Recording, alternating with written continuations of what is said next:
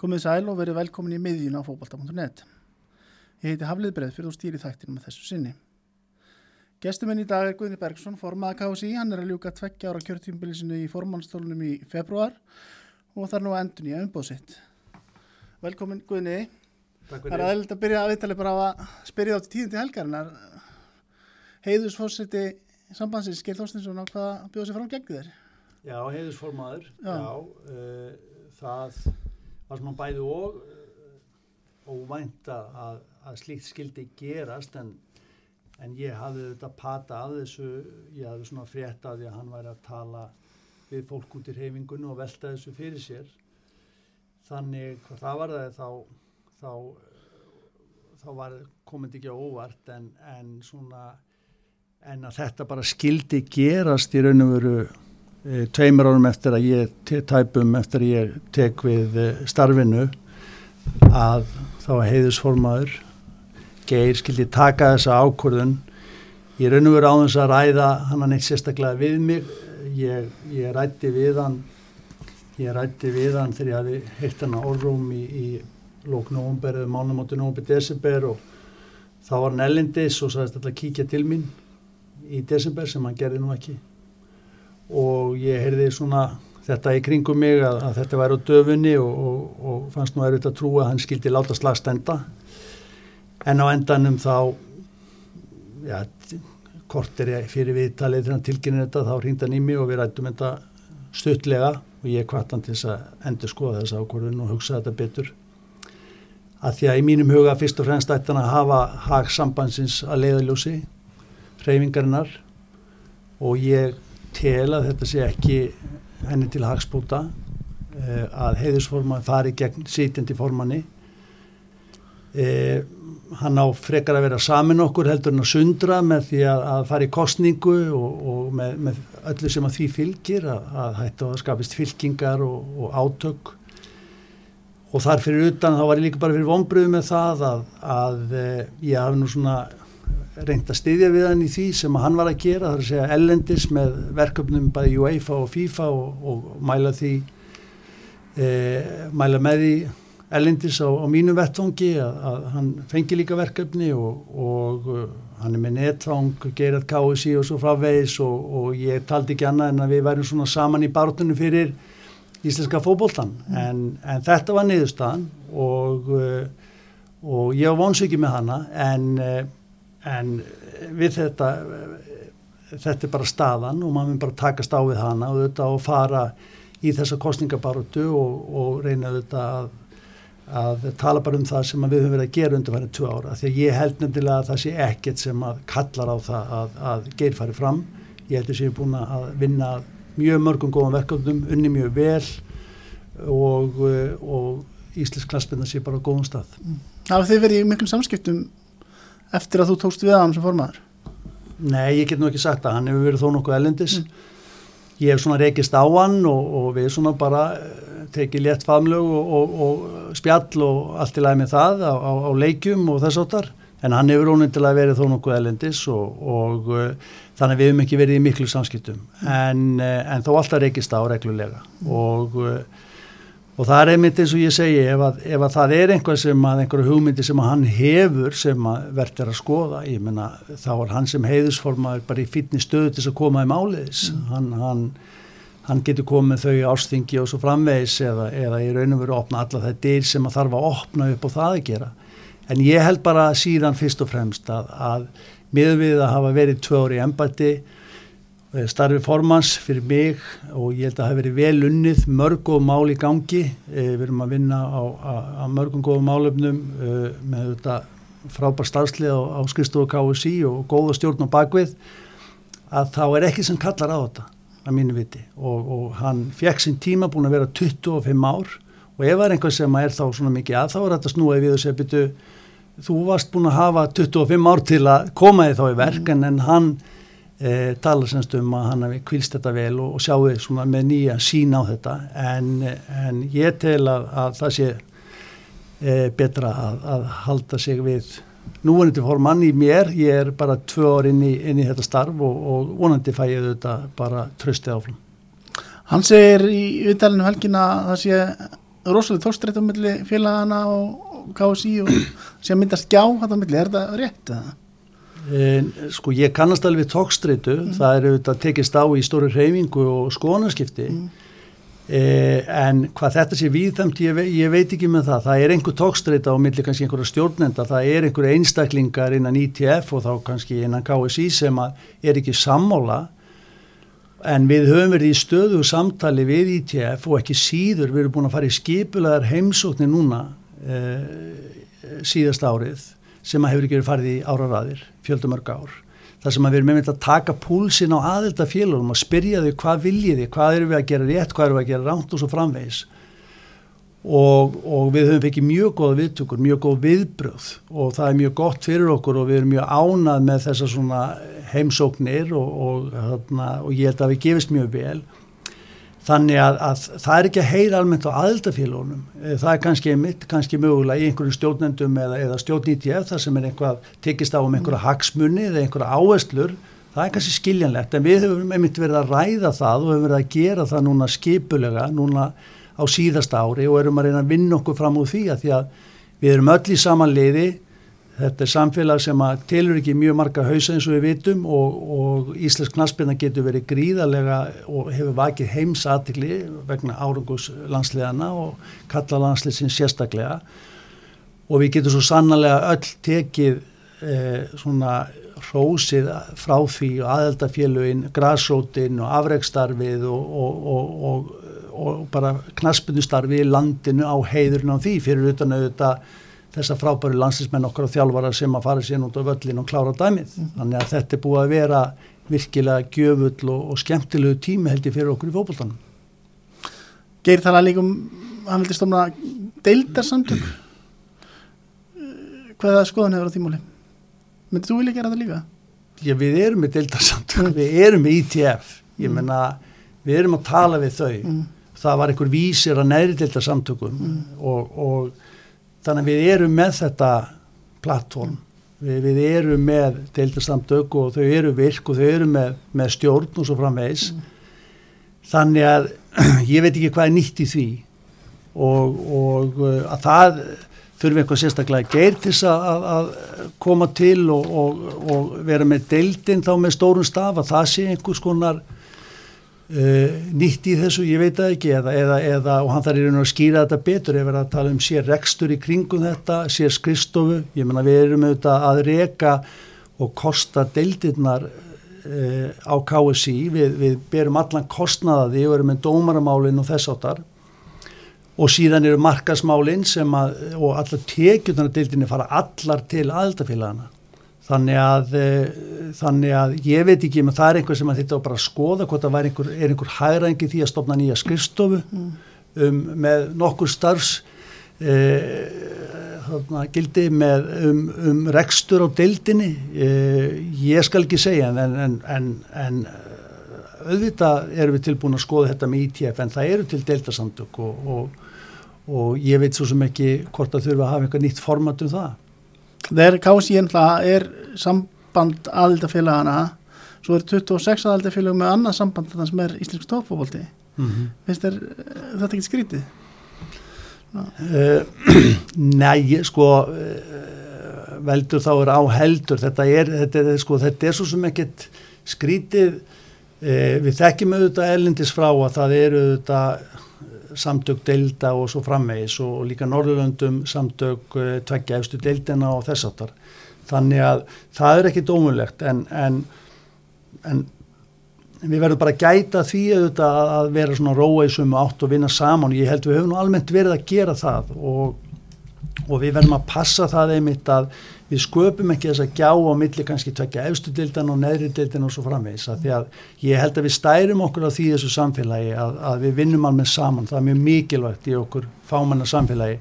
Þannig að neðri dildanar hafa sitt gildi og vægi og við mögum ekki gleyma því að, að það eru jafn mörg nánast félög í neðri dildunum sem er með batna úlingastar til dæmis. Þannig að við verðum að huga að þetta neðri dildunum líka og öllum fókbóltanum eh, við þurfum líka að, að huga bara auðvitað náttúrulega græsútastarfinu sem að síðan afreikstarfi byggir á. Mm. og allt helst þetta í hendur og er mikilvægt. Og landslinn eru síðan mikilvægt til að vera vera svona þessi kvartning og kvati fyrir þessa ungu yfgöndu sem vilja verða Gilvið Þó Sigursson eða Sara Björk og svo framvegis þannig að allt helst þetta í hendur og, og ég held bara að það sé bara mikilvægt að vinna saman. Og, og ef að, að tala um eitthvað tókstreitu það er skoðanaskipti, við erum að vinna með það.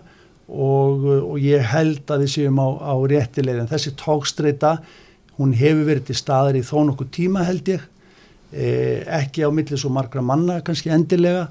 Þannig að hún hefur verið til staðar og þess vegna finnst mér algjör óþar að vera að skapa meiri tókstreitu með því að fara í frambóð Hefur þurft að leggja mikla vinni í að reyna að setja mála þetta melli? Uh, já, við erum bara í raun og veru alltaf svona takast á það, ég myndi ekki segja mikla vinnu en, en samskiptin eru svona regluleg og uh, við erum að reyna að vanda okkur sjálfsögðu. Uh, við erum að reyna að passa upp á KSI að, að hugsa um heildina, allar hefinguna ITF er náttúrulega hagsmunarsamtök tveggja efstu deildana mm þannig að við þurfum að hugsa um alla heildina og, og, og þetta fer alla jafna saman myndi ég að segja. Þannig að ég held að við séum alltaf á rétti leið og núna, núna er má segja óformið samkómulega um það að ITF taki við sagt, og semju markaséttindin hafi forraðið á því og svo framvegis. Ég menna við erum nokkur neginn sammál um það E, við höfum verið að velta fyrir okkur hvort að, hvort að e, það verði einhver fulltrú ITF innan stjórnar eða eitthvað slíkt. Því við erum varpað upp og, og við erum að ræða það og svo framvegis.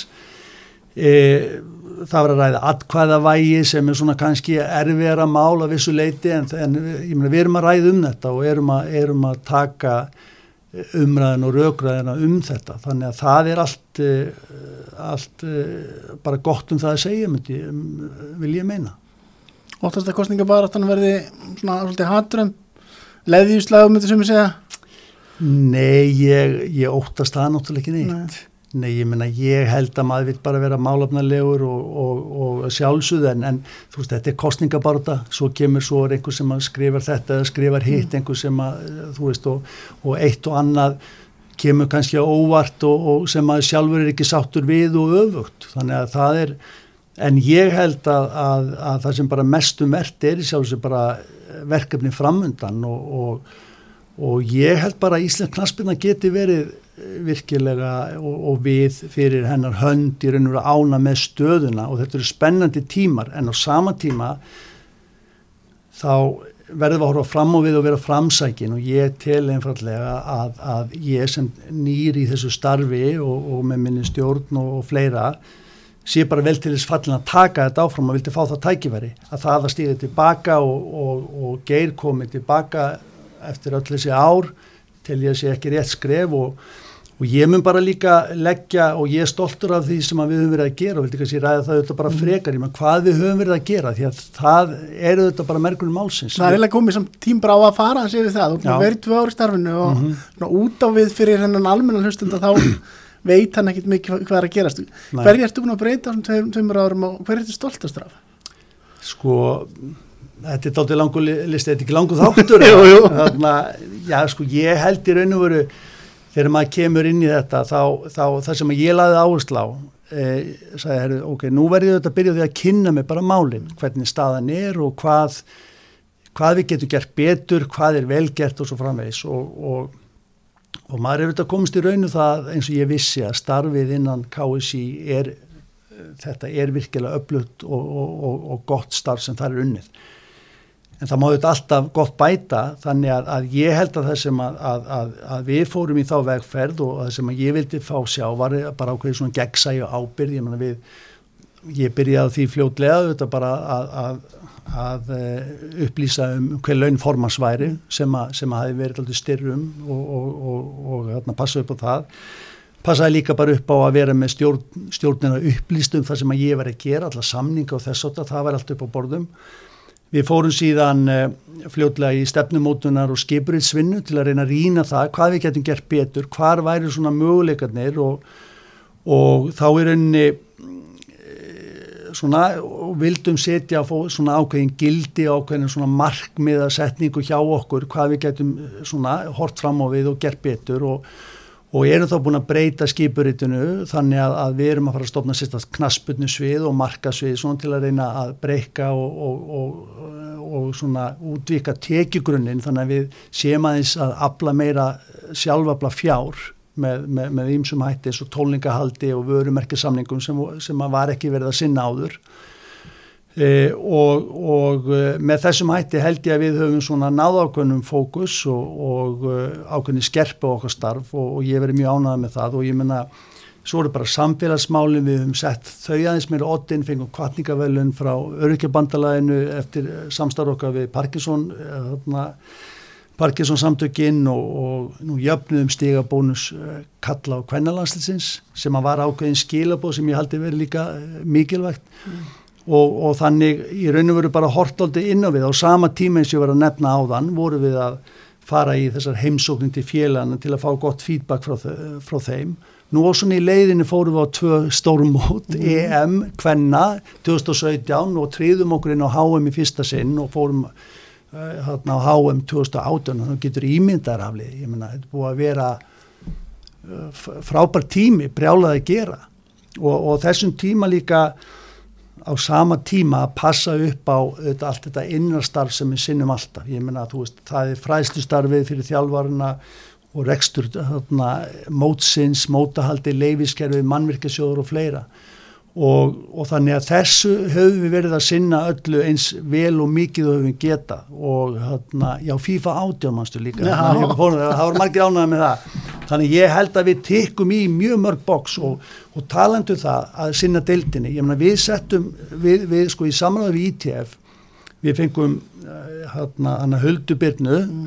e, sem var tilnefnd af ITF og hafi verið stjórn ITF til þess að sinna sérstaklega markastæri deildana, bara bara fókusur á það og ég held að það hefði gefist vel. Þannig sem dæmi að við höfum miklar áhugjur af aðsókninni núna þetta sumarið í Pepsi-deltunum og Ingasso út út af HM en það tókst að stemma stígu við svona fækkun ánda þannig við vorum aðeins í pluss, ekki mikið. Þannig að, að ég held að við gefist ágætla með það, með við sko veðufarið í sumar. Menn þess normenn sem hafa gert mikið átakað, ég held að þeirra áriðum hafi fækkað um einhver 14-15% mm þannig að ég held að starfið hafi verið mjög víkt að tjá okkur og, og við höfum unni vel og ég er bara mjög ánæg með það. Þannig að þessi verkefni tala bara í sínum máli og, og, og við höfum aukið tekjurnar og við höfum hana, styrt okkar eina starf, við höfum verið tengsluðin félögin. Þannig að ég held að við getum verið ánæg með mjög margt og við getum alltaf bætt okkur. Hver er þetta stoltastur af, af þessu öllu? Sko ég held nú svona fyrir okkur fyrir okkur eh, knaspina á fólk þá, þá maður auðvitað stendur alltaf upp úr að hafa farið á HM og, og komist ánga með liðið. Ég menna ég held eh, og líka það góða í því það góða í því er auðvitað að, að eh, við fáum líka sko það fyrir þetta mikla fjármunum fyrir það það setja mest fyrir fókbólta áhugan að fylgjast með liðin. Ég menna það þetta var stórkoslega stund fyrir okkur öllu held ég og, og það svona stendur auðvitað upp úr en líka bara að, að ég er einhverjum að kynast öllu þessu starfi. Ég, ég fór, þú veist, Magna Grenivík þegar með, með nýju árundaðastöðuna þar í inkassutildinni, ég meina bara frábært.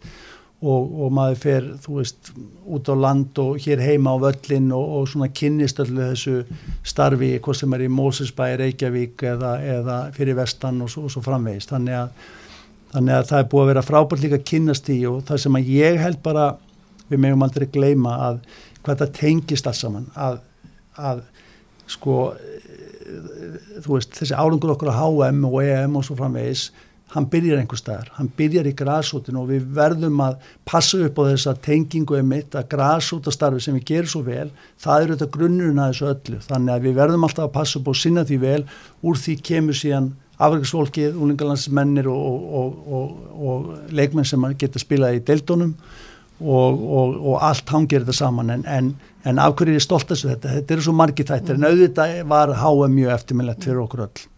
Hvað er það helsta feedback sem þú ert að fá frá félagunum í þessum heimskunum? Uh, það er svona uh, allra handa það er, það er uh, stundum er það bara svona einhver praktíska atrið varandi markasmálin við höfum myndi verið að reyna svona að, að líta til þess að geta stutt sérstaklega við þau í markasmálunum eins og við gerðum í sumar og, og hérna en mennir að velta fyrir sér dómanamálunum, mótamálunum líka stundum eh, og, og ég jafnvel bara uppbyggingunni hjá sjálfum sér eh, auðvitað náttúrulega með aðstöðun og fleira, það er stundum auðvitað stór mál og og það er annað sem við verðum að hafa í huga að, að við verðum að, að eh, passa upp og halda fram að byggja upp aðstöðuna fyrir fókbóltan allstaðar og það er náttúrulega mjög gleðefni núna að við erum að horfa fram á nokkur knattúsverða byggð og, og, og eh, sem að verður mikið liftustöng og við viljum líka passa að, að aðstæðan byggist auðvitað út um allan þannig að og í því sambandi held ég varðandi eins og landsbyðina að, að við höfum líka verið með núna svona starfsóp í gangi varðandi e, nýja tillur í ferðajöfnuð fyrir, fyrir e, félögin og þá sem að mun nýta sérstaklega landsbyðarfélagunum vel. Þannig að það finnst mér vera mjög áhugavert og ég er, ég er mjög spenntu fyrir því að við getum, getum komið sterkar og góða tillur í þeim efnum. Þannig að, að en, en félögin eru auðvitað ólíka eins og þau eru mörg og, en allstað brennur þessi áhugi fyrir, fyrir fókbóltanum og, og það er alltaf gaman að finna hann. Maður finnur alveg maður endur nýja stoltið við það að, að, að fara og hitta félagin mm -hmm. Svona þýtt helsta barátefni, við erum búin að tala ansið mikið um þetta og veistu hvað ég er að fara að tala um núna.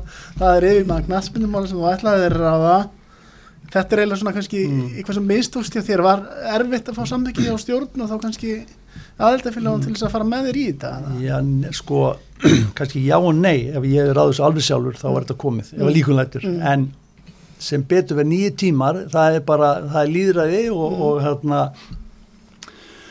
og maður tókuð þetta til þess fyrsta lagi að, að þetta þurfti að, að, að við vildum fá þetta inn á uh, eh, fjárasáallun og þegar ég tek við 2017 þá er þetta náttúrulega fjárasáallun og þá fer þetta inn á fjárasáallun síla ást 2018 e, e, og, og það er raun og það sem að gera svo síðan náttúrulega e, hausti 2018 þá þurfum við að ráða þjálfara bæði kalla og kvenna og, og það búið mikið að gera kringum HM og allt þetta og þetta svona dregst eilitið en við vorum í raun og veru búin að samþykja e, bæði að setja þessa stöðu inn á fjárhásáallun síla ás e, þóttu var ekki tilgreynd að því að skipur hafi ekki verið, verið samþykt en við gerðum á fyrir að setja þessa stöðu.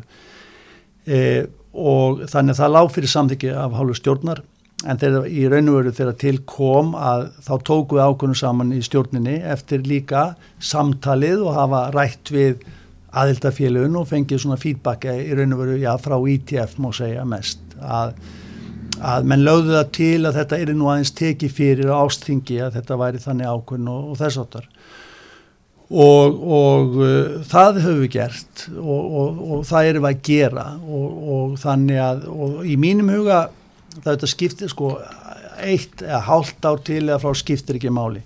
En, en ég tel að þetta verði framfara spór fyrir fókbóltan að, að við stopnum að knaspunum svið, við, við verðum með ákveðna áherslu bara á fókbóltan og það verði þá yfir maður þess svið sem að sé að samræma hlutin og fá það mesta út af þeim fjármunum sem við verjum bæði í landsliðin og, og, og að gæðin séu fyrir hendi og við séum að nýta alltaf þekkinguna eins vel og mögulegt er og, og halda þessum upplýsingum og þekkingunni innan KSI til þess að geta miðlaðin síðan á, út til félagana.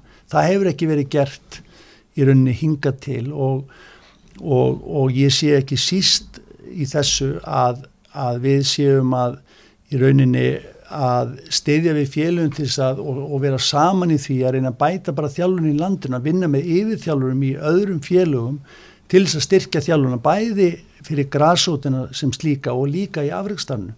Þannig getum við fengið mest úr þeim efni við sem við höfum í fókbaltunum og hann er gríðarlega mikill og við getum alltaf bætt okkur, við getum bætt okkur mögulega í, í steltmannþjálfun, stúrknanþjálfun, yngstu yfkenda á unlingastíðinu og svo frammeis og með því fáum við betri spilara eh, upp í deltinnar og þess áttar og síðan áfram í landslegin og í raun og veru bara nýtu við fjármuninu okkar betur. Og ég menna við erum með fyrirmyndinar allstar í kringum okkur.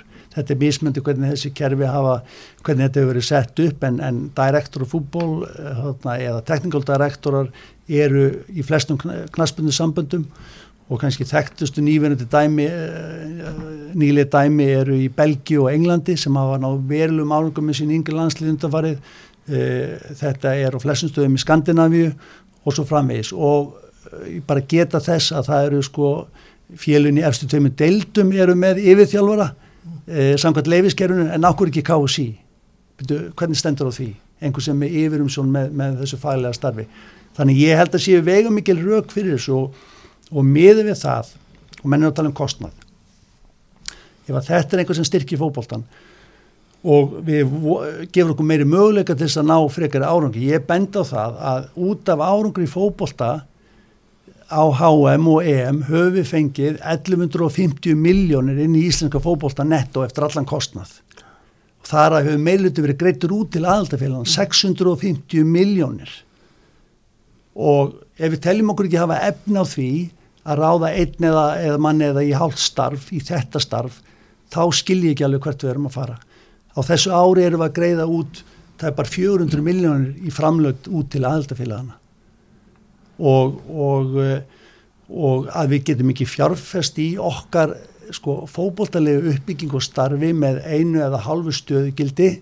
Ég bara, ég er ekki alveg tilbúin að kvitt undir það Og þú ætlar að fara með þetta fyrir það ásþing í februar? Já, þetta er svona, þetta er í fjárasállin hjá okkur og ég ger svona ráð fyrir að hún hann að njótinu og fái brautagengi og ég vona bara fólk bara hugsi þetta út frá sko og ég, ég kannski fór ég inn í þetta starfa því ég er fókbóltamaður upplægi, ég er líka lögfræðingur en ég er fókbóltamaður ég var atunumæður í sko 14 ára tímabili og ég var landslýsmaður yfir 20 ár með yngri og, og, og, og aðlandsliði. Ég tel mig hafa svona innsæg og vita þess og ég held að þetta sé einhvað sem maður gerir gott fyrir fókbóltan og við erum knaspunum samband og við erum að hugsa um fókbólta og ég held að ég held að, að og ég vona og að, að, að fólk svona hafi skilning á þessu og, og, og ég, ég heyri það alveg á, á allavega yfirþjálfurum og þeim sem, sem ég ræði við að að mennu þetta skilja alveg hvert markmið er. En er það ferðlið að þú vilt að þetta sé samþýtt ásþingi áður en að þú gengur frá ráningu á manni eða Sko ég sjálfur sér, við erum alltaf búin að semja, við erum alltaf búin að samþykja skipuritið og þetta eru þetta bara í fjárhás áallun, mm. þannig að alla jafna fær hún bara brauta gengið þetta á ásþingi og, og stjórnin sækir síðan umbósi, þannig að, þannig þannig að það, er, það er ekki venjulega verið að, að, að sko það, ég veit ekki til þess að það hefur verið sérstaklega stilt upp að fara með fyrir ásþing sko stöðugildum eða, eða ráningum í stöðu sem slíkar. Þannig að þetta er svona í allavega okkar plani sem stjórnar. Þannig að, e, þannig að það er og, og, og þú veist eins og vorum að tala um ég menna það það er ekki bara það að þetta að það sem hefur verið að gera hefur gefið okkur mikla ánæg ánægunni fókbóltan, þetta hefur líka verið að gefa okkur tekjur og ég menna og, og bara til þess að nikja á þessu sko við, við erum alltaf að bæta í þannig að, að sko EM greiðtu við 50% af hagnaði eftir EM út til aðaldafélagana, núna greiðum við 75% af hagnaði HM út til aðaldafélagana, þannig við erum alltaf að láta og hugsa um aðaldafélagana og láta þau njóta. Þetta held ég ásand öðru muni gefa okkur betri tækifæri til þess að ná árangri og ekki sístu auðvitað styðja við yfirþjálfarna og þjálfurna bara út í félagum á öllu landinu, öllum deildum og svo frammeins. Þú ert svo líka bara með mann sem heitir frælstistjóri Kási Arnabell. Hver er munurinn á því sem hann er að gera og þú vilt að nýjum maður myndi gera? Í rauninni er hann, veru er hann fyrst og fremst að, að eh, sjá bara um fræðslu þjálfara mm. og það er eða sem við getum verið eitthvað stoltust af mm. og Arnar og Dagur er búin að vinna frábær starfi í, í fræðslildinni mm. og það þekkir þetta allir með, með söguna um hvað við séum með marga sko, hana, þjálfara með A og B UEFA gráður hér á Íslandi og, og það, það er náttúrulega bara heimsmet með höfðatöluna frægu og það er hluta þessum, sko, þessum góða árangri sem að síðan er það út að líka góðri aðstöðu sem við höfum byggt upp og bara frábæra starfi á aðeltafélagunum þannig að þannig að hann í raun og veru og þeir fókusera á það fræðslu þjálfara og, og nóg að gera því mm -hmm.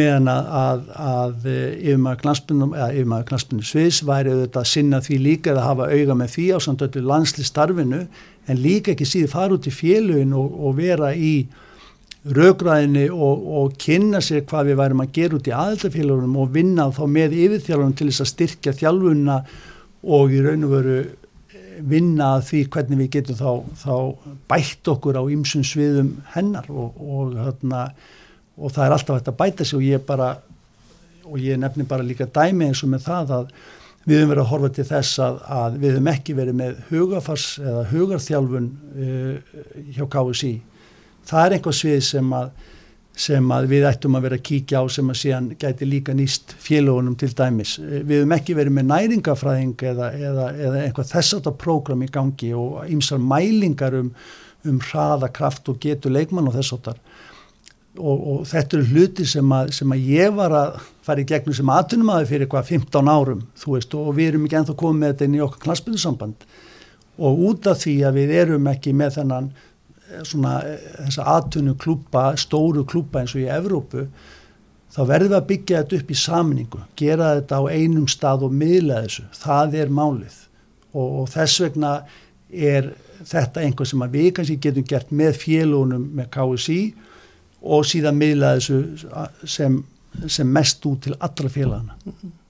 Arnáðu Viðarsson gaf hann svona heilig skinn þegar ég tók viðtalanin um daginn eftir að tók við til Íslandslandsliðin að hann verður nú bara líklega til að fá þetta starf er, er það komið svo langt hjá okkur? Nei, nú sagðan það. Já, hann svo nánast gaf það í skinn, já. Hann er náttúrulega bjassið maður hann Arnar en, en sko...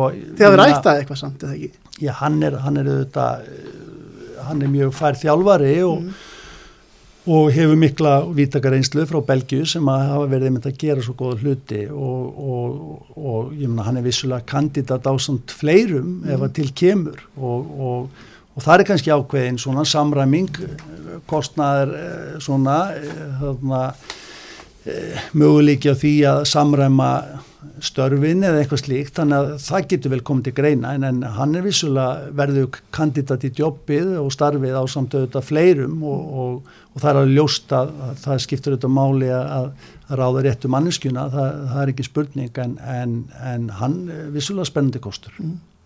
Þessi svið þrjú sem þú vorust að tala um að uh, skipta svona, breyta skipuriti sambandsins, það er þá knastbyrninsvið mm.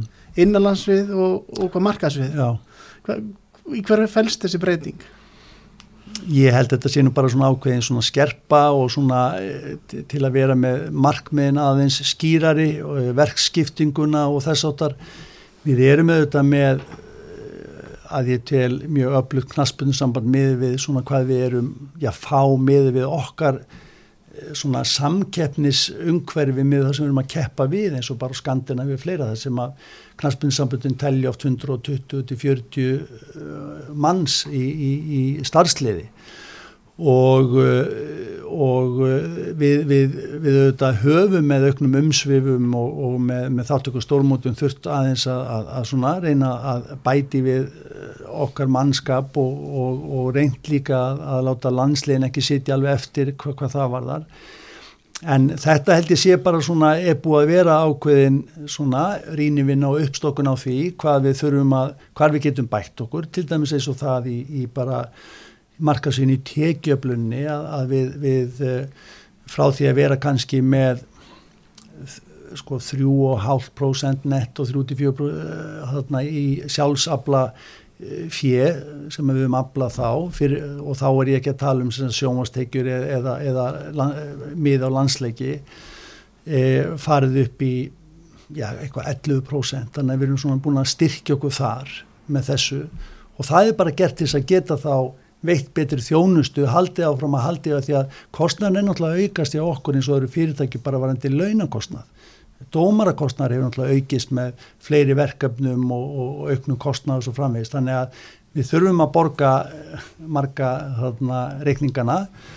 Við höfum ennþá í raun og verið ekki tekið neitt að þessum háum hagnaði sem við höfum bara greitt eh, og, og, og EM hagnaði við höfum bara greitt út til aðaltafélagana. Þannig að Þannig en við höfum verið að reyna að, að styrkja þetta tekimótil hjá okkur og með eins og, eins og við varum að tala um vörumerkjasamningunum og, og, og tónleikahaldi og það er eitt sem við bara sérstaklega, það er nú einhver ánkvæmsta sem að ég hef heyrt svo mikið varðandi það við séum að sæki, sko, við erum samkómulega við ITF e mm. eh, um það að við megum vera með, sem stegum að vera með sex styrtaraðala. Mm -hmm og við, við sömdum aftur sem sagt, ég samdi á nýju við þessa styrtaræðilega og þegar ég var búin að rýna samninguna þá fannst mér að vera mjög já, bassinstíma slagir þegar þeir höfðu bara staðið í staði mörg mörg ár og það kom vissulega e, þeir hækkuðu vissulega en bara í það sem að ég myndi segja að væri bara algjörlega eðlilegt með við, við umhverfi okkar og með við veldu og svo framvegis og uh, þannig við höfum ekkert verið að sækja meira út á markaðin og, og munum ekki gera.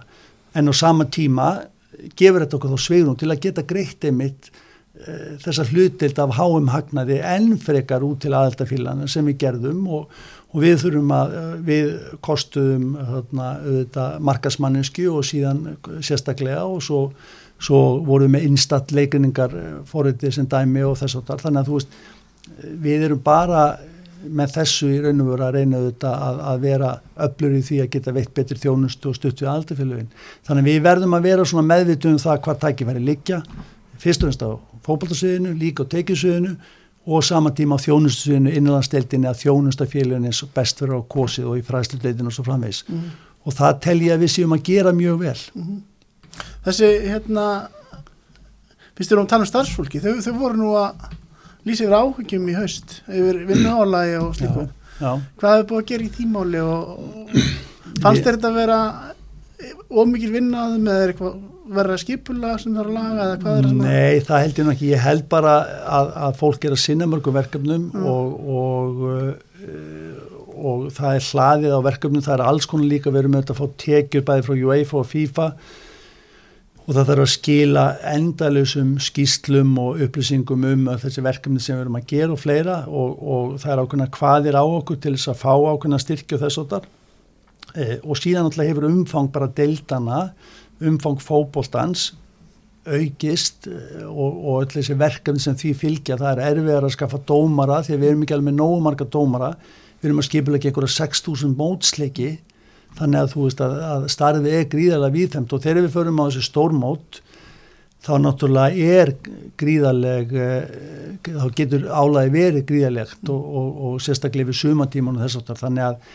það er oft mikið um kvöld og helgavinn og svo framvegist þannig að, þannig að við verðum svona bara að passa upp okkur fólk og erum að reyna að gera það að stýra þessu og passa upp á að fólk takki frí og þess aftar sem ofta hefur ekki verið að gera. Mm. þannig að þetta er eitthvað sem við verðum meðvituðum og og ég verði að segja kannski gætna það má kannski sko rosa starfsfólkin og rosa bara því að svona þú veist að, að, að, að þú veist það er svo auðvelt að gaggrina og, og, og, og kannski kási og klassbundu sambund líki ótt einhvern veginn vel við höggi en, en, en, en ég vil bara segja eftir enna tíma að þarna tel ég vera gríðarlega gott og öllu starf vera unnið og ég er bara stoltur af, af starfsfólkinu mm.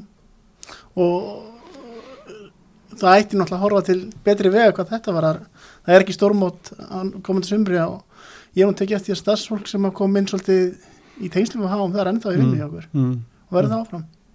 Við erum svona bara að fara yfir það við erum náttúrulega, mm. þú veist að það er verið að ljúka okkur málum og þess áttar og við erum svona að stilla upp framtíða skipulaginu sjá mm. hvernig þetta svona best að því að Það er líka eitt í því eins og, eins og við rákum okkur áður um að reyna að sækja samninga ellendis og fleira.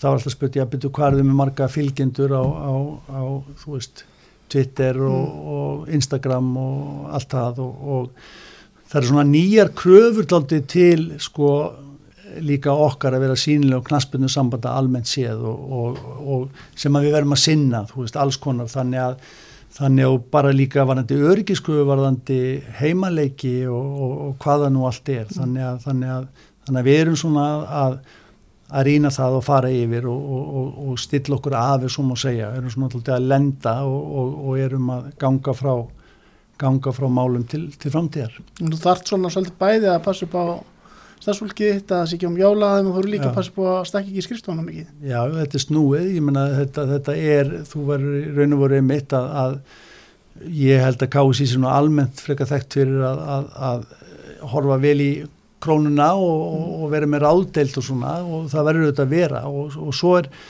og svo eins og með landsliðin og svo erum við að sjá kannski fara með landsliðin okkar á ellendu vettfangi og, og, og auðvitað þessi stærri sambund eru kannski með helmingi fleiri starfsfólk. En það virkar mikið verið með þrjá sjúkaðurur það veitir ekkit af, það er brjálað að gera þeir vinna fram á kvöld og nætur í þessum ferðum. Mm.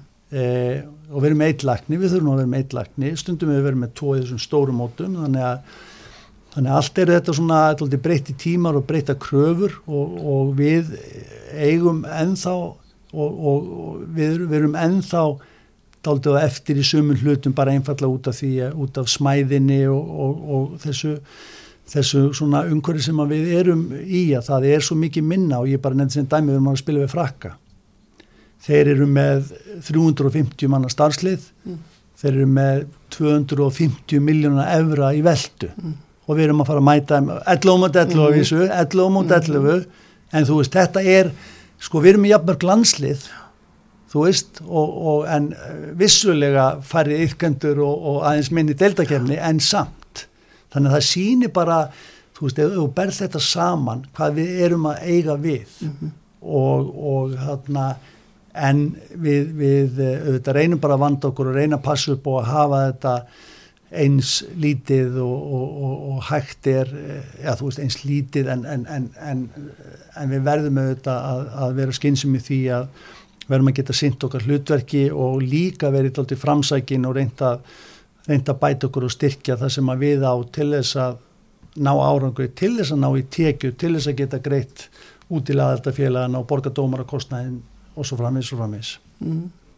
Á þessum tveimur árum þá svona fyrir þennan almenna fótbóltaháman sem er ekki að vinna inn í reyfingun og svona þá, þá sér hann bara ákveðna hluti mm. úr þínu starfi mm. mm. og stór hluti af því sem hefur breyst og bæst mikið er ímynd formansi sem við vitum bara, það er bara þannig hitt er miðasalega landsleiki mm. loksins og tekið þetta skrefi að laga miðasalina, hún hefur bara verið í lamansins mörg ár var þetta erfitt verðilega? Uh, nei, við bara fórum í gegnum það og bættum sagt, við og, og, og bættum bæði svona kringum varandi þessa mótsmiða og fleira mm. og, og vorum, fórum með nýjum aðla í, í svona nýtt miðasölukerfi þannig að ég held að það hefur bara verið eh, vel tíma bært og það hefur bara gefist mjög vel og það er greinilega mikil ásókn en þó í miðana, mm. það vantar ekki og þarna og við erum náttúrulega ána með það og, og ég menna frábært að selja upp á kvennalansleikinu mútið þjóðurunum mm. í fyrsta sinn í sögunni ja. þannig að þú veist og ímyndin er mikilvæg ég menna það er svona þú, þú ert ekki að eldana þú reynir bara að, að, að þú reynir auðvitað að vera af heilindum og reyna að gera góða hluti og, og láta gott að þið leið og vera heiðalegi því sem þú tekuði fyrir og volandi bara fylgið þá ímyndin með en, en maður er aldrei að gera hluti sérstaklega út af ímyndinni en, en En við viljum auðvitað leiða áfram með góðu fordæmi og ég er til dæmis bara með stegabónusin sem að ég held að flestir að vera mjög ánæði með. Það er bara gott að geta gefið sér skilabóð líka bara sem kvartningu fyrir eh, kvennalandslið og kvennafótbóltan og í stóru myndinni miður við það að fara bara halva leið eða ekki alveg og miður við sko að því að sumir voru krítiskir á þetta þegar kannski ég heyrði það bara það er enginn ofinberla en ég heyrði alveg gaggrin á þetta. Já, já, menn er að gaggrina menn finnst það. En, en þetta er ekki svo mikill munur í krónumtali og endanum eh, miður við heildar myndana, miður við það hvað þetta er góð skilabóð mm. og, og, og hvað þetta er heilbrið skilabóð mm. og, og út í kvennabóltans, út í bara reyfinguna og allt þetta, að styðja eins við kvennabólta með þessum hætti því við vitum það er fór bara brot af, af, af þessum peningum eða, eða, eða yfirleitt þessum svona launum og svo framvið sem að strákaðin fá þannig að ég held að þetta hafi verið svo góð kvartning og, og vel þess virði og við fáum þetta bara tilbaka með öðrum hætti hvernig sem að það er það og, og, En segð mér samt alveg satt með það hmm. Hafðu einhverjir aðeldafélag samband við og hvertu undan þessari breyningu? Já, ég heyrði alveg í nokkurum sem að, sem að voru ekki sáttir og svo bara byrtu efnahagurinn er ekki alveg mm.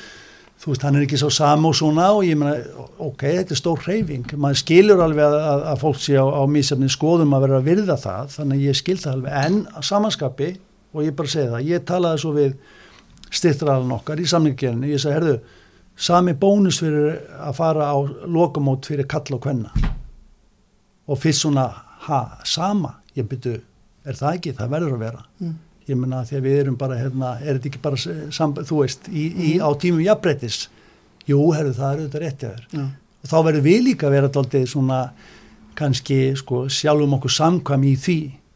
Þannig að eh, bara með þannig eh, þú veist, sem dæmi, mm -hmm. fáum þetta tilbaka. Og þetta er bara þú veist, við erum íþróttasamband ef ekki að vera bara daldið svona, að koma að segja stórmannleg, eða þú veist, svona einmitt að reyna að, að gera svona hluti vel og, af, af, af, og vera svona kannski bara í farabróti sem við, sem við erum í raun og veru heimsvísu mm -hmm. og ásett normennu sem að tóku líka þetta skref. Stóra vandamálið í hvernanbóltan með náttúrulega UEFA frekar heldur nokt Já, ég menna þeir, þeir eru að bæta sig þeir gæti alveg bæta sig mm. um betur og við, ég heiti mikið fór með Norrlandan og það er alltaf verið að tala um hvernanbóltan mm. og við erum einu, sko, einu heimslutni sem að er alltaf að spá í sérstaklega í því að þetta eru ok, við erum bara alltaf mikið kalla með bindi þarna á þessum mm. sko, þú veist, það er bara þannig en jújú, jú, nokkra konur, við nú vel representur sko, ég með við erum með klöru sem hérna, framkvæmtastjóra og gunningu varaforman brindis í fjármálastjóra borgildi gjaldkera, þannig að þetta er ég er í kvennaríki og þannig þú veist, ég menna þannig að sko, þannig að við erum á réttum stað allavega eins og með stjórnina þar og, og, og leggjum áherslu á leggjum áherslu á, á, á kvennaboltan eins og við getum. En auðvitað er alltaf, það er ákveði munur hérna á bara efnaðslega og tekjulega og, og við vitum það og við erum að reyna að en, en sko þetta eru rétti leið. Það, það, hver stórmætt og fætur öðru í raun og veru hjá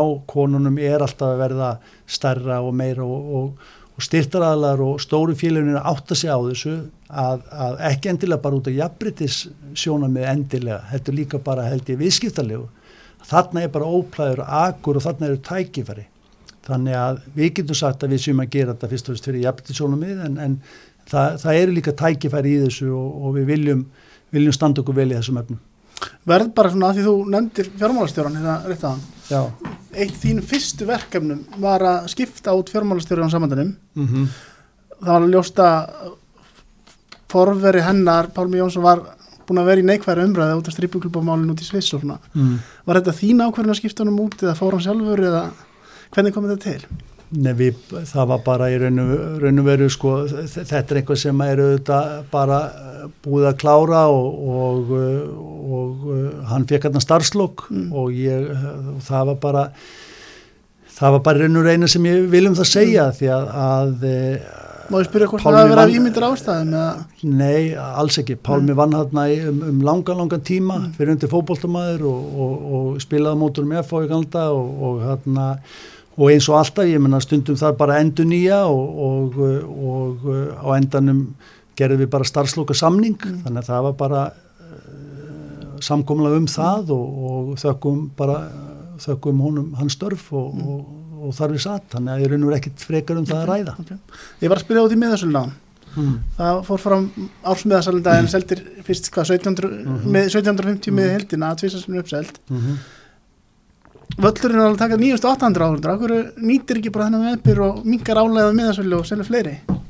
Já, þetta er svona vangavelta líka bara þú veist að því að sömur vil ekki alveg kaupa mið á alla leiki, sjá sér kannski ekki fært á að, að eh, fara nefn á helming leiki mm. þannig að þetta er svona ákveðið sangirn í að það sé einhvað miðum eftir mm. þegar það kemur að leikdegi og þetta er svona ákveðin svona hefð fyrir því að, að geta keft sér miða á völdi, þetta er nú ekki lengur eins og í skúrunum í galda, sko, það er með mættu þarna fyrir leikin og keftu sér miða, sko, nú er þetta allt á netinu og allt þetta, en, en okkur fannst að þetta væri svona rétt jafnbægi á þessu. Mm. og og það væri raun og veru bara fínt að bjóða upp á þessa miða og, og, og, og fólk gæt bara og þetta var nokkur eftirspunnin og hef, við hefum ég vel getað selgt fleiri en, mm. en það var mikil ánæg með þetta, við settum þetta í svona hugulega öskju mm. og gerum þetta svona, svona jólagjafa svona vænlegt og allt þetta þannig að það var bara mikil ánæg með þetta held ég og svo verða það bara eh, miðar hérna, til sölu þegar, leikta kemur þannig að það verður barist um þá ef við líkum lætur að því að við ætlum okkur stóra hluti í næstu kefna og EM, EM kalla, það er alveg ljóst. Vistu hvað það verður margir með, er ekki styrtaðarlega að fá eitthvað? Og... Jú, það eru styrtaðar og það er alls konar náttúrulega og líka útilið og fleiri og þeir sem að vinna fyrir gási og aðeldarfélagin og allt þetta þannig að það verða einhver, einhver nokkur þúsund þannig að, þannig að við munum við munum uh, bara uh, ef að líka lætur selja þá að því að, að það hefur allir verið uppselt í ákur að fasta því og ég held að það haldi áfram Það er undanferðið hálta ár hefur nú verið ansið mikið að gera hjá þeirra því að þú þurft að skipta um þjálfarateim í öllum þremur stærstu landsliðunum. Já. Eitthvað sem kom á óvart í þessu ferli? Uh, uh, Já, þetta er náttúrulega þetta er ábyrðin í þessu maður vil auðvitað ná uh, ná að taka rétt ákvörðun. Maður veit að það er ekkert ekkert vist í þessum efnum. Þú, þú, þú bara það sem að það sem að þú gerir og við gerðum saman var í raun og veru að, að reyna að undirbúa okkur og, og sapna saman svona þeim upplýsingum um þá umsækindur sem við mögulega gátum og, og, og tóku þá viðtölu í kjölfarið og svo framvegis og, svona þrengdum ringin er svo má segja, jáft og þétt og, endanum uh, þar séum bara að taka ákvörðun. En, en við reyndum auðvitað bara að vanda til verka, þetta var svona kannski Eh, ég get við ekki um það að því að út af kannski mínum bakgrunni þá og sem formar auðvitað leitt ég það og, og, eh, og uh, þetta var bara mjög svona áhugavert og skemmtilegt ferli. Þannig að þarna e, og maður reyndi að gera þetta bara heilindum, það er alltaf erfitt þegar maður lendir í því, kannski akkord fólki sem að, maður telur til vina sinna og kunningja að, að kannski endur á það ekki eins og, eins og ég lendi í og það var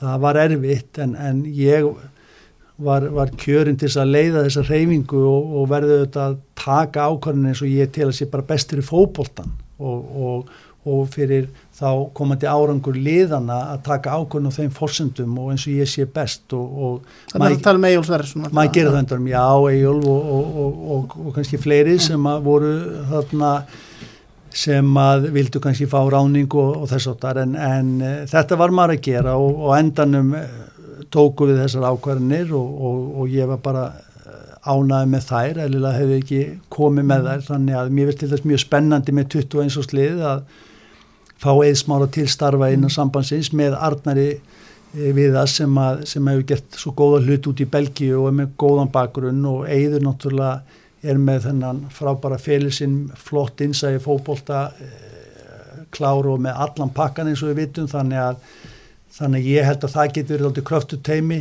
og það sama segi sko með, með, með teimið í kvennalandsliðinu að, að, að Jón Þór Haugsson og og, og Jeffs Ian Jeffs er svona spennandi kostur, ekkit alveg sjálfgefin kostur kannski, mm. við viðkynum það en, en á móti, ég menna hann er búin að, að gera góða hluti, Jón Þóri í sínu í sínu starfi bæði på Skaga og, og með stjörnunni þannig að, að og síðan auðvitað allanslið kalla með, með auðvitað Erik Hamren og, og Freyr Alexander sinni þannig að Þannig að þetta er bara teimi sem við erum, teimi sem við erum með og, og, og þetta alltaf, þetta, þetta náttúrulega tók alveg verulegan tíma mm. og, og mikla yfirlegu svona fókus. Og mikið hatt samband, við vorum margir að bjóða sér fram og... Já, bæði og það var bæði, bæði auðvitað símleiðis munlega með tölubústum þannig að þarna, það, var, það var þó nokkuð um það og, og það, það var bara ánægilegt. vildi komast að sem að... Neja, svona nokkur, mm. nokkur svona einhver stór en, en, en eins og til dæmis með alansleik Karla þá horfum við daldi til þess að, að svona vera daldi á þessu móteli sem er búið að gefa okkur mm. vel og svona vera kannski í norður Evrópu varðandi sko þjálfara sem að sko þekkja kannski mögulega svona mentalitetið og, og, og hugafarið okkur og gildin sem við stöndum fyrir. Og síðan með Freyr sem við tókum inn sem aðstofmann sem að þekkti vel til liðsins. Þannig að, þannig að við svona vorum daldi með tildulega þröngar hing þar, er segja og, og hérna til þess að, að reyna viðhalda þessum stöðuleika einhver leiti þarna með aðlandslið eh, kalla. Við tókum aðeins svona aðra nálgun með, með kvennalandslið svo má segja og síðan þriðju nálgunna með undir 21 mm. árs með svona daldið svona nýja nálgun og, og Egil er náttúrulega búin að vinna frábærstarfi tíu ár og, og, og hérna og með Tómas Inga Tómasin sem aðstofamann og hérna en okkur fannst bara tími núna til breytinga þannig að, að ákveðum að tekinu það.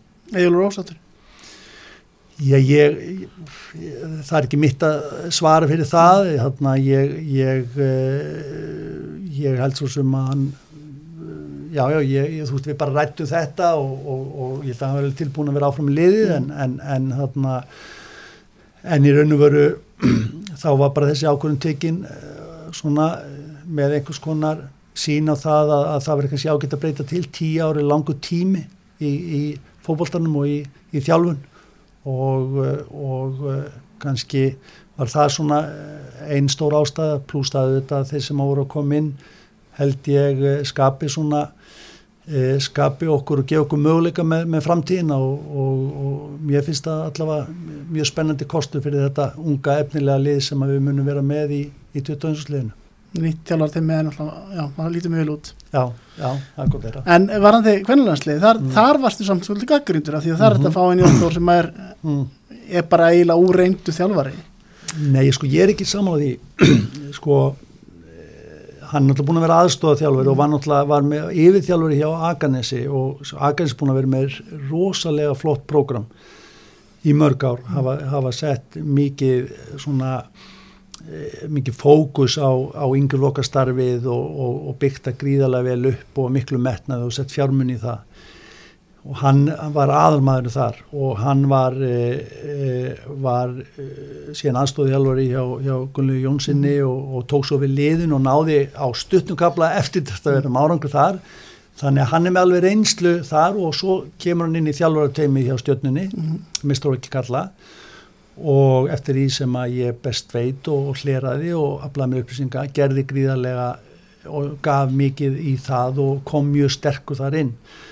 Við vorum alltaf að tala við fleiri og allt þetta, við vorum með, með svona púli af reynduþjálfurum og allt þetta og, og, og svo kom, kom Jón Þórarna með, með þarna, inn í þann hóp líka. Þannig að við veltum auðvitað fyrir okkur fleiri valkostum og, og þú veist, en þetta var niðurstónu endanum og ég held ég með fókbólt er fókbólt, hann er ekki með reynsli kvennabóltanum, en Ian Jeffs er með það og ég fann bara þetta hungur og, og svona, þú veist, í ákjæðina eldmóðin og viljandi þess að gera vel. Og ég held að og, og svona er bara spenntu fyrir uh, þessu þjálfara teimi og við erum svo ofta að vinna í dag, svona myndaldi teimi og Ian Jeffs vegur þetta upp þar að segja þá eh, vöndun og reynsli kvennabóltanum og, og þannig að ég er bara björnsinn á það. Það að vinni með honum kannski alveg svo er að koma utan og þekkir engan leikmann persónulega Já, það get, Þór gerir það ekki heldur já, náttúrulega. það getur alveg virkað þannig held Mm. ég og, og ég svona, þú veist, hugsaði þannig líka það getur bara að vera ágætt að byrja upp og nýtt ég Mm. Eh, þess ási aðstofþjálfari eh, sko eh, Freys, ég menna hann kom til greina til dæmis, þú veist, og fleiri eh, góðir eh, þarna, Elisabeth Gunnars og svo framvegis og framvegis og, og, og ég vil fleiri en, en þarna en en þarna eru menn bara að koma aðdaldið svona með, með reynd borð og, og bara horfa á það sem fyrir fram á það er og það getur bara virkað sem kostur held ég. Mm. Var alveg fullt reynd með Elisabeth, ég veit að þjóðin vildi fá hana. Já, bara trúðu mér, það Já. var bara full reynd Já.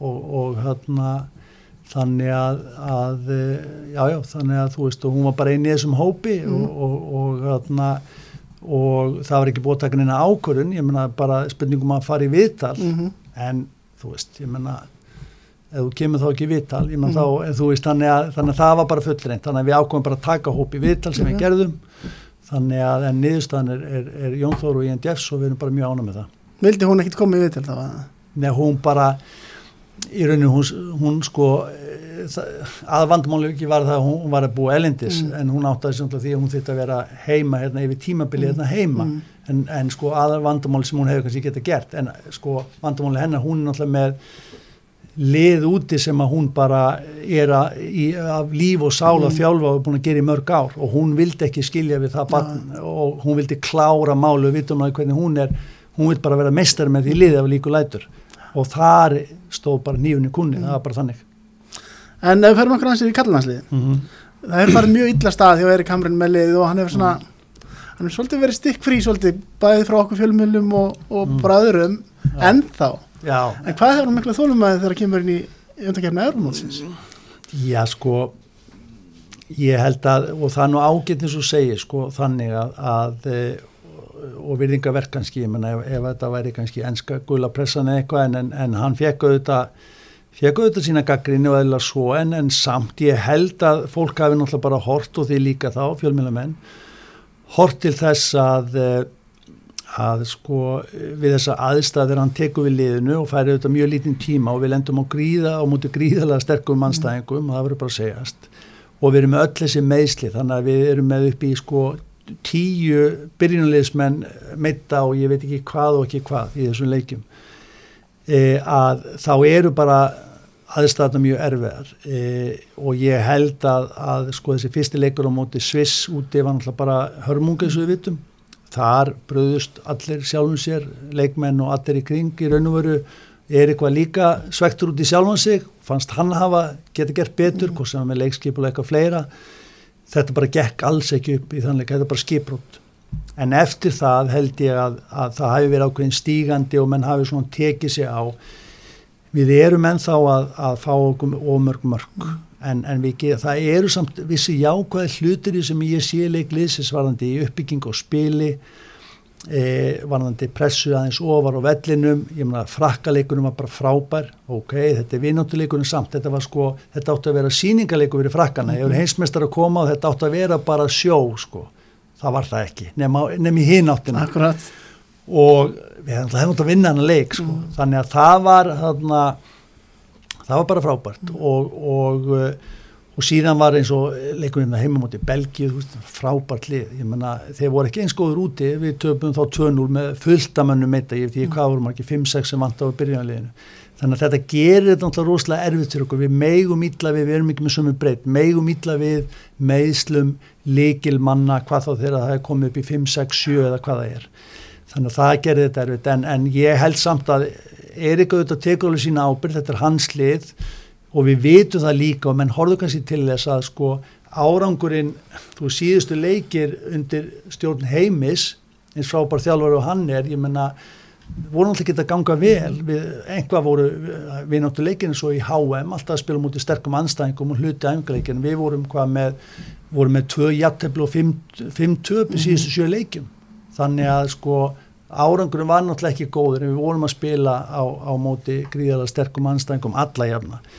Þannig að við verðum bara að læra þessu og byggja þessu. Og ég, það sem ég vil segja bara stóra máli í þessu fyrir mig sko og fyrir utan auðvitað að, að þjálfara teimið verður auðvitað að standa sína plikt en á endanum er það leikmenn sem að, sem að skila þessu í hús eða svona segja þjálfari verður að, að, að skila rétti taktík og fleira og ná að, að setja svona rétt að ramma fyrir leikmenn en svo er það einbyttingin leikmanna og, og hungrið veist, sem við verðum að og viljinn til þess að halda áfram þessari vegferð sem að verður verið til staðar. Og við verðum þá að vera með helst sem flesta ef ekki alla okkar menn heila.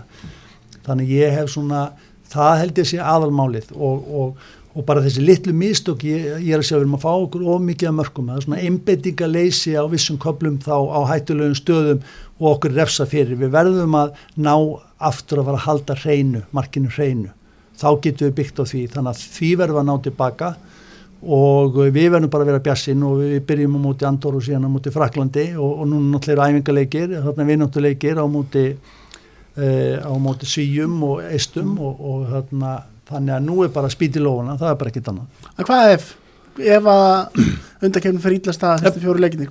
Við, erum, sko, við erum ekki á þeim stað. Okay. við erum bara bjassinn það er bara þannig að ég er ekki svona að fara að ræða það. Þannig að, þannig að fyrst að ná að tryggja að ég þurfa að hafa áhugiræði þegar það er að kemur sko. ef ekki að byrja á því.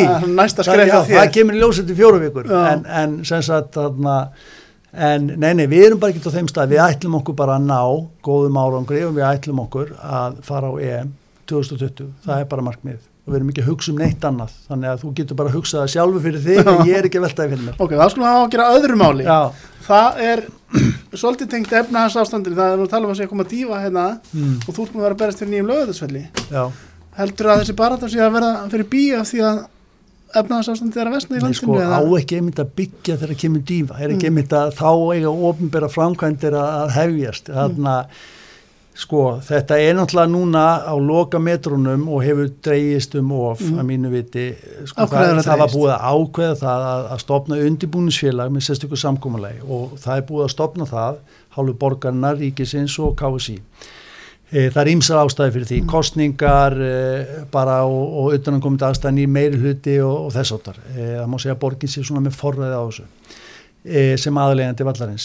Núna er búið að, að setja þetta aftur, undirbúinsfélagið er tilbúið og, og nú það bara fari gegnum þessa vinnu að ákvaða með framaldið í raun og veru á grundvilli mögulega útbóðs og þess að til að fá skýrar mynda því hvað þetta mun kosta.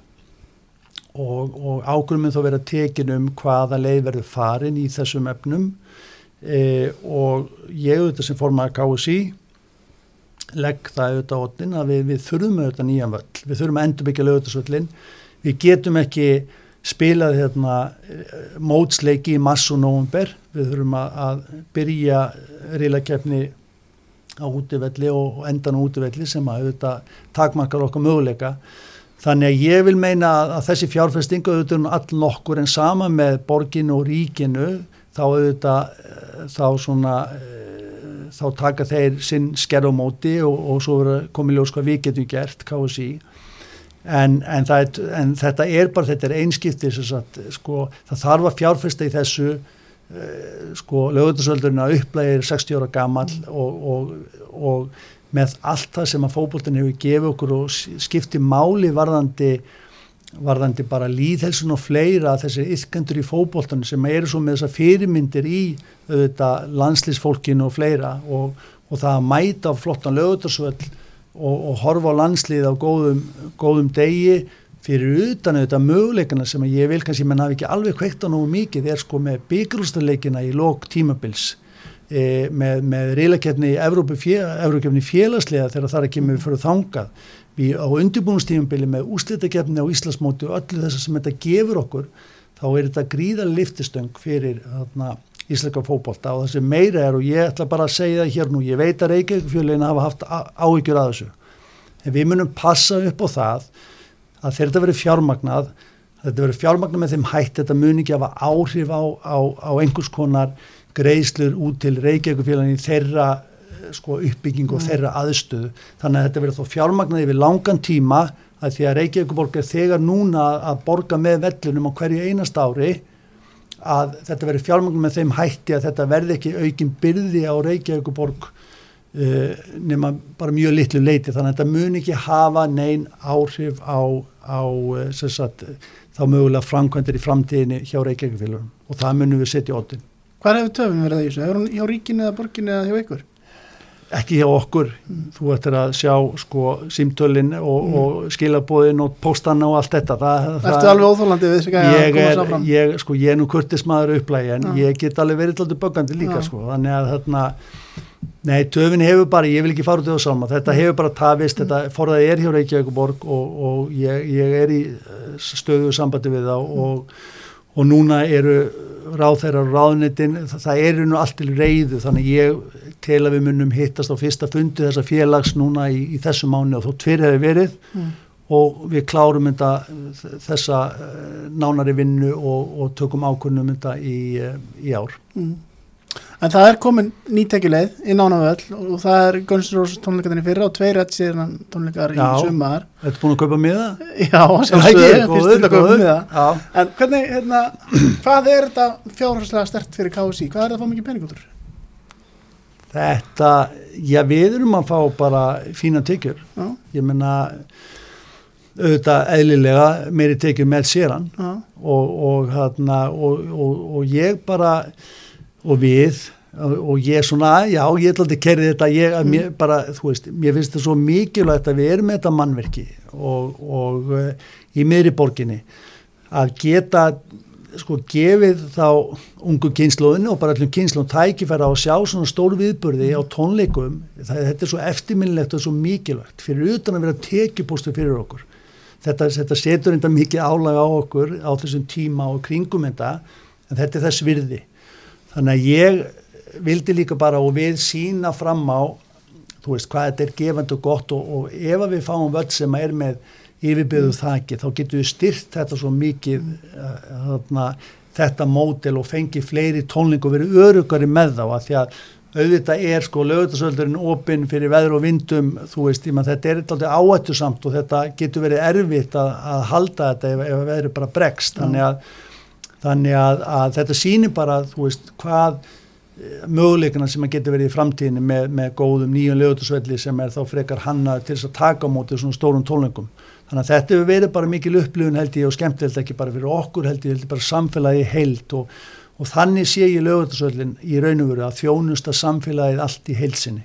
Og er þetta stóru og mikilvæg tekjubóstu sem að kemur út af þessum þreymur tónleikum sem er búið að bóka? Já, já, þetta, þetta tikkar allt, mm. maður, þetta skiptir máli að því, að því að við erum líka að borga með lögutasöldum inn í reksturinn og fleira, ég maður hann kostar okkur, mm. þannig að, að það veitir ekki daf og ég maður segi, ég maður rekstar umhverju allt bara í kási svo fyrirtækjum, mm. það hefur svo margt hækkað, sérstaklega laun og fleira, þannig að við þurfum að sækja tekjurnar og, og ég er ánað með það að við séum, séum að gera það þarna og líka með þetta bara það sem þetta gefur okkur bara öllum að, að geta notið svona tónleika mm. Það er aðan um sex stóra styrtarala því við erum komin átti að tala um peninga uh, verða þeir ekkert fleiri og er, er þetta rosalega tekið sem að august við það að stekka þessa samlinga? Sko, ok, hvað er rosalegt? Ég menna, þú veist... Í þá er ég að tala um bara í stóra samlingin af rækstri sambansins. Já, sko, e, sko, það sem ég get sagt að þetta er ekki svo rosalegt miður við sko fjárframlegin út til, skilur, mm. aðeldafélagana. Mm. En þetta, en sko þetta eru alltaf sex aðilar og mm. það er samkvæmt samningi við ITF, e samkómulagi mm.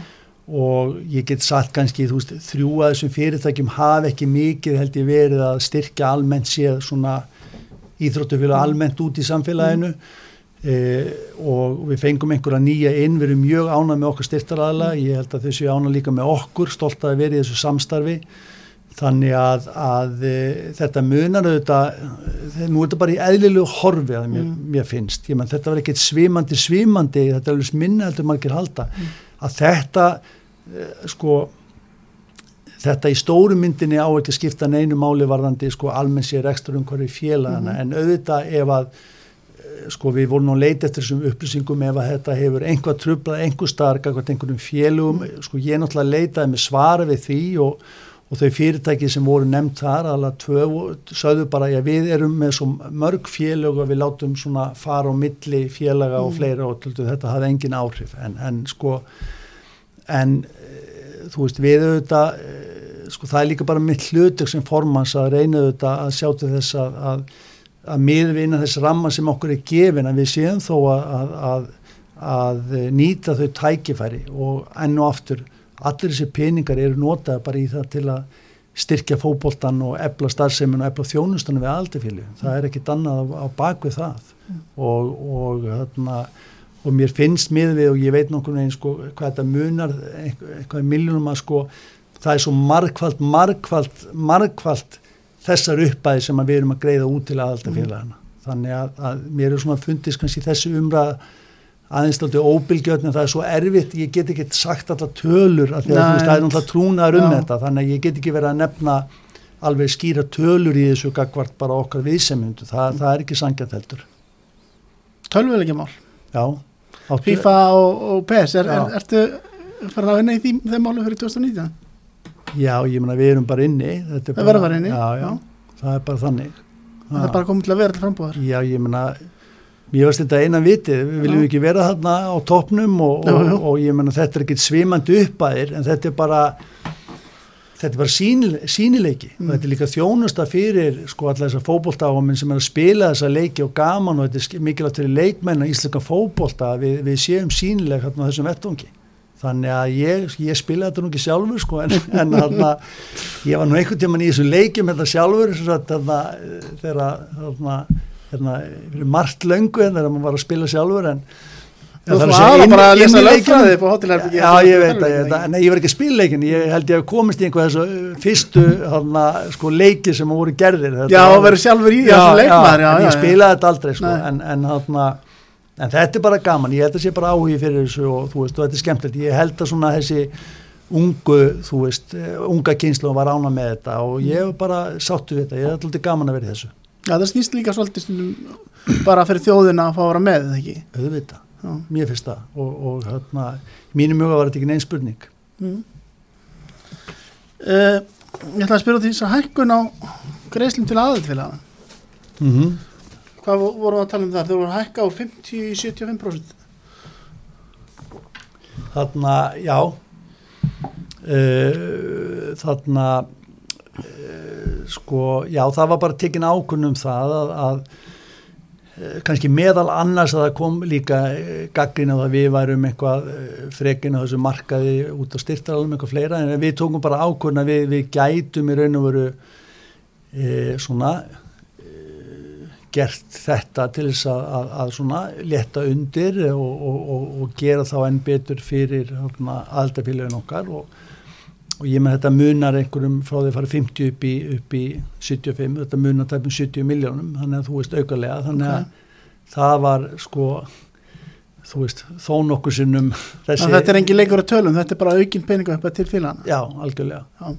Þú veist að því að frá því að fara 50 upp í, upp í 75% þannig að, og, og það er þú veist og það er eitt sem við verðum að hafa í huga sko, við erum bara við erum alltaf líka stundum ána með þú veist, ég er ekkert að reykja mér. Þetta var ekki, þú veist, ég, ég bara við erum bara, þú veist, það er ekkit annan knaspinu saman að gera þetta. Mm.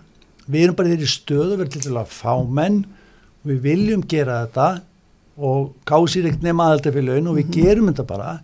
Og það er alveg að samanskapi með dómanarkostnæðin, þú veist, ég menna það er ekki, það er engin knaspinu sem borga greiða hennan allan hennan dómanarkostnæð mm þú veist, en við náum að gera þetta og það er bara frábært. Þannig að þú veist að við, það er rosalega marg sem við getum verið ána með. Og ég held að KSI talandu um það hvort það sé einhver rof á milli. Þú veist, ég upplifaði ekki þannig. Ég bara, við erum bara hérna í þjónustu sko við aðildafélaginu og ekki danna allan daginn, mm. en svo erum við með þetta verkefni, þú veist, við erum að sinna deildónum, við erum að sinna innastarfinu og fræslunni og allt þetta dómarunum og leifiskerfinu svo eigum við að sjá um landsliðin og við verum að gera það vel. Og ég held að við höfum verið að gera það. Ég menna, yngirlandsliðin okkar eru flott og það er rosalega mjög, ánað með þjálfarateimi þar í bæði, bæði kall og kvenna. Mm. þannig að þú veist að ég bara sko veist við getum bara verið og miður við þetta með, með stórmótin og allt þetta og með tekjunum sem koma með sko við getum verið sátt við margt, það má alltaf gera betur. Ég menn það er, þú veist, allstar í Evrópi að víða er er verið að fá ungu kjenslána á völlin, við vitum að því, við sko reynum bara að vinna það saman, hvað getum við gert og svo framvegis. Og, og það er talað um rekstra vanda aðildafélagana, ég, ég meina hann er, hann er sumstaðar, ég meina við vitum það. Og, og og af hverju er hans brottin, ég meina við verum að, að bara vinna því saman, hvað er það, ég meina við, við kannski vitum það að við talaðum stundum að, að þú veist, erum við að greiða leikmönum og mikið penning eða, eða þú veist, eða hvernig er það sko ég veit það ekki, við, við þurfum svona bara að velta þessu fyrir okkur og, og, og þóttu fegin vildum, ég vil hóttu varum í á stórmótu hverji ári, þá myndi KSI aldrei laga því að þetta dreifist á svo marga. Afkominn við myndum aldrei laga sko rekstra vandan bara með einhverju útgreifslu frá KSI, það mm. gerist ekki þannig sko en, en, þarna, en margt er, í okkar umhverfi í fókbaltunum er og flest, langklest, er rosalega flott. Ég maður græsótastarfið hérna hjá okkur er bara frábært. Og það er eitt sem við bara passa, við passa upp á. Virðinguna fyrir líka öllum sko yngri eh, neðri deildunum líka og, og kringum all landið að við erum að, veist, að passa svona upp á fókbóltan að hann sé sko allstæðir samfélag fyrir, fyrir, fyrir sem flesta yðgandur hringin ykkur landið og, og líka þessi vennjulegi yðgandi sem að verður ekki þessi afreiksmaður sem fór mesta sviðslósið að þessi 98-9% að það séu ánægir yðgandur. Mm. Það er svo mikilvægt að það eru framtíðar áhuga menn, sjálfbóðaliðar, stuðnismenn og svo framvegs og við verðum að svona, það samfélagslega gildi fókbóltans, það má aldrei vannmeta við, við gleymum því aldrei og allt þetta eins og maður sagt svo oft hangir allt saman. Mjög gott, ég held að ég hef nokkið alltaf að fara um mikið meira með þér í dag. Er þú með eitthvað sem að þið langar að segja mig frá? Nei, ég er ekki búin að tala allt og mikið verður ekki að stýta þetta eitthvað, þetta er bara búið að vera ha, Þetta nei, er, bara, er svona nördarspjall. Já, já, búið að vera mjög gaman og, og mér finnst mjög gaman einmitt að koma hérna, þetta er nú sko fókbalti.net, þetta er náttúrulega bara okkar vefur mm. og bara takk ég alveg fyrir, eh, fyrir að bjóða mér og, og ræðum fókbólta og þegar maður byrjar það var bara erfitt að stoppa þannig að það var öruglega tvöfald að þetta að lengt en ég held að þetta sé nóg, nóg þján fyrir þjóðurna að hafa þetta ekki lengur þetta en bara takk fyrir mig. Takk svo leiðis